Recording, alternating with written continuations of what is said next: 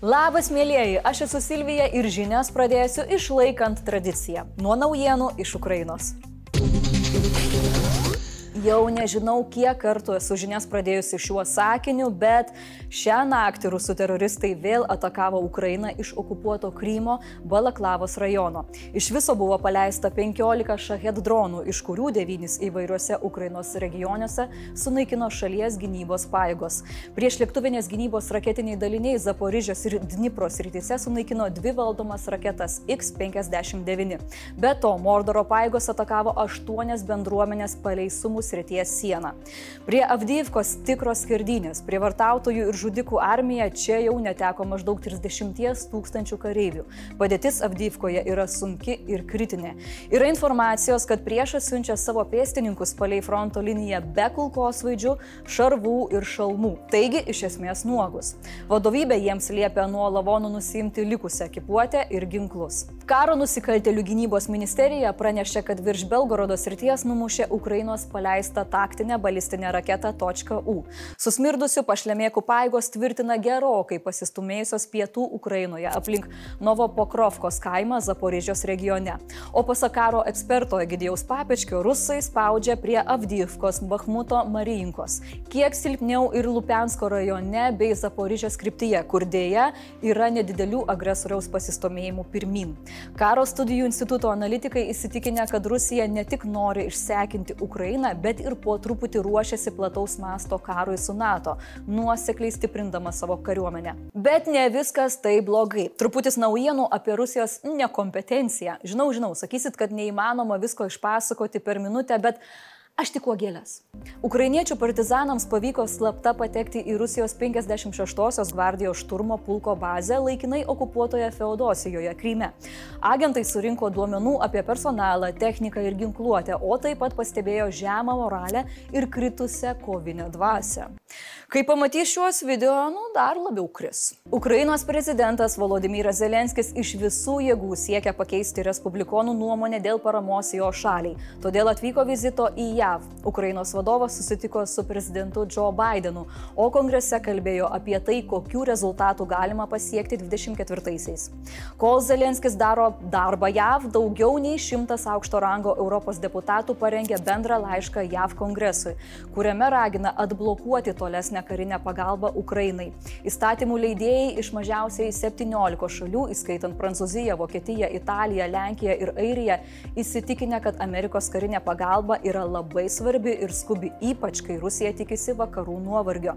Savaitės pabaigoje ES lyderiai Bruselėje spręs dėl 50 milijardų eurų ekonominės paramos skirimo Kyjevui ir dar 20 milijardų eurų skirimo šalies kariuomeniai. Laukia sunki užduotis įtikinti Vengrijos premjerą Viktorą Orbaną, kuris nekarta grasino vetuoti pagalbą. Su juo bus sunku susikalbėti, nes, na, veidas įspraustas tarp Putino užpakalio žandukų. Izraelis toliau bombarduoja gazos ruožą ir jau sako, kad teroristinė grupuotė Hamas sukėlusi šį karą yra ant likvidavimo ribos. Pasak gynybos ministro, paskutiniai du islamistinio judėjimo bastionai Džabalijos ir Šedžajos rajonuose yra apsupti izraeliečių dalinių ir netrukus kapituliuos. Centrinėje gazos dalyje vyko inirtingi abiejų pusių susidūrimai, o šiaurę drebino aviacijos smūgiai.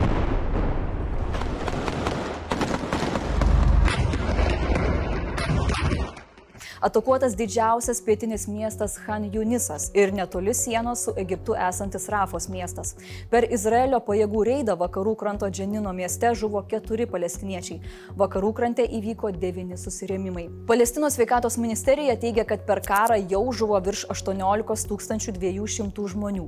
Beje, dar viena žinia - iš 105 Izraelio karių žuvusių gazos ruožę per antžeminį puolimą 20 žuvo dėl vadinamosios draugiškos ugnies ir kitų nelaimingų nelaimingų atsitikimų, o ne nuo teroristų rankos. Izraelio kariuomenės duomenimis nukauta 7000 grupuotės teroristų, be to pastaruoju metu daug jų pasiduoda. Izraeliečiai per pastarąjį mėnesį į nelaisvę paėmė daugiau nei 500 Hamas ir Islamo džihado smogikų, o tai greičiausiai rodo, kad Hamas smogikų dvasia yra gerokai palaužta. Izraelis irgi ginasi. Centre eilinį kartą kaukė oro pavojaus sirenos, holone nukrito raketos keveldros, vienas vyras buvo lengvai sužeistas į koją naudojas. Toliau nesibaigia kritika Izraeliui. Šį kartą ją vyriausybė pareiškė susirūpinimą dėl informacijos, kad Izraelis esą Libane panaudojo amerikiečių perduotą baltojo fosforo amuniciją. Nors tai nėra patvirtinta, tačiau preliminariai ant šaudmenų rasti gamybos kodai sutampa su JAV kariuomenės naudojamu žymeniu. Baltasis fosforas yra labai degus, nuodingas ir gali sukelti sunkius nudegimus. Izraelis neigia jį naudojęs. Irano remiamų hučių, kurie labai palaiko Hamas raketa, vakar pataikė į po Norvegijos vėliavą netoli Jemeno krantų plaukusi tanklaivį ir sukėlė jame gaisrą.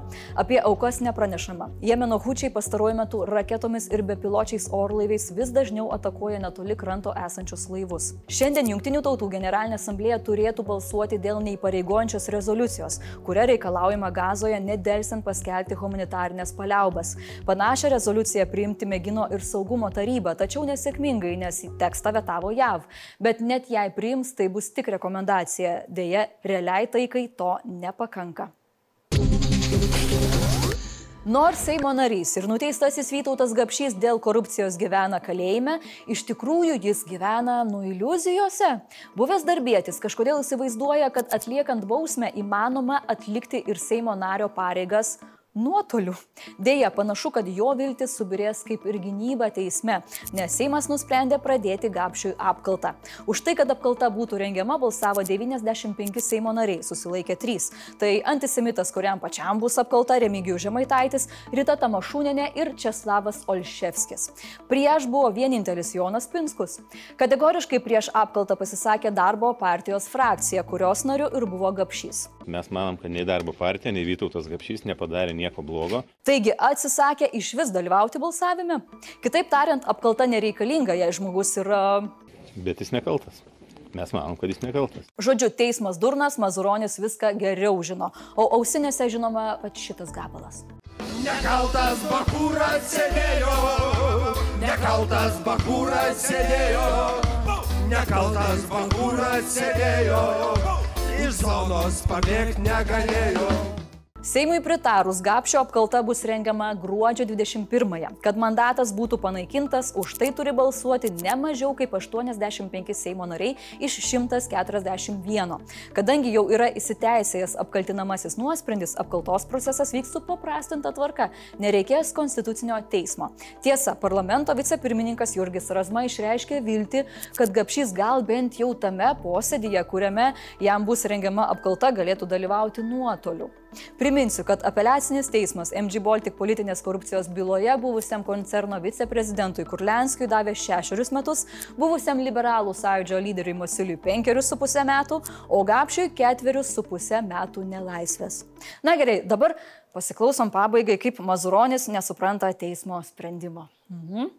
Vis tiek nedaeina, kodėl taip yra, kad bandito laimė taip greitai subyra.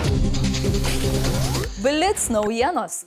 Gruodžio 6 dieną Lietuvos vyriausiasis administracinis teismas galutinai pripažino, kad valstybinės miškų tarnybos direktoriaus įsakymas kirsti miškus Natura 2000 teritorijose bei aplink jas yra neteisėtas. Taigi buvo paskelbta, kad kirtimai yra stabdomi. Aplinkos saugos koalicijos pirmininkė pakomentavo, kad nors toks sprendimas buvo ir pavėluotas, tačiau šis nutarimas yra vienintelis logiškas. Prokurorai prašė pakelti jų atlyginimus ir jų žodžiai buvo išgirsti. Pirmą kartą alga bus didinama nuo 24 metų ir kitas etapas bus 25 metų sausi. Už tokią pataisą balsavo 107 Seimo nariai, prieš buvo 6, susilaikė 13. Po pakeitimų generalinės prokurorės alga iki mokesčių didėtų 2549 eurais iki 7873 eurų. Žemiausios grandies prokuroro 1463 eurais iki maždaug 4695 eurų. Šiandien pritarta naujam vidaus tarnybos statutui, nors dalis pareigūnų jį kritikavo ir prašė atmesti, vidaus reikalų ministerija sako, kad pakeitimų dėka bus didinami minimalūs pareiginių algų koficijantai pirminės ir vidurinės grandies pareigūnams. Taip pat pakeitimai leis mažinti darbo užmokesčio skirtumus tarp statutinių įstaigų. Vis dėlto su naujoju teisės aktu būtų perskirstomos pareigybių grupės, jų sumažėtų nuo 15 iki 10. Pakeitimų bus ir dar daugiau. Opozicija sako, kad dėl naujojo statuto mažės pareigūnų motivacija dirbti. Na, o kai bus, laikas parodys. O šiandien aš jūsų noriu paklausti, kurios apkaltos laukiat labiausiai - Gapšio, Gražulio ar Žemaitaičio. Galit ir išrikiuoti, labai labai lauksiu komentaruose. Ne į temą, bet kažkaip čia vad kalbėjau, kalbėjau ir pagalvojau, kad labai labai norėčiau ko nors tokio gaivaus užkasti.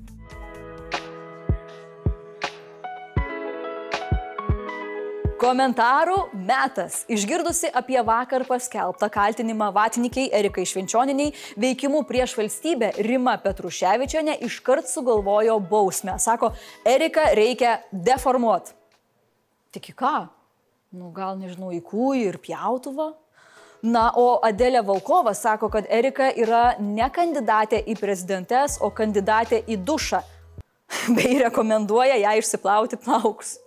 Nieko, kalėjime išsiplaus, viskas gerai, dušas, kiek žinau, trečiadieniais. Tai dėkoju, kad mus žiūrite ir komentuojate. Šiam kartui su jumis atsisveikinu. Čia buvo Silvija ir iki pasimatymo. Tiek žinių.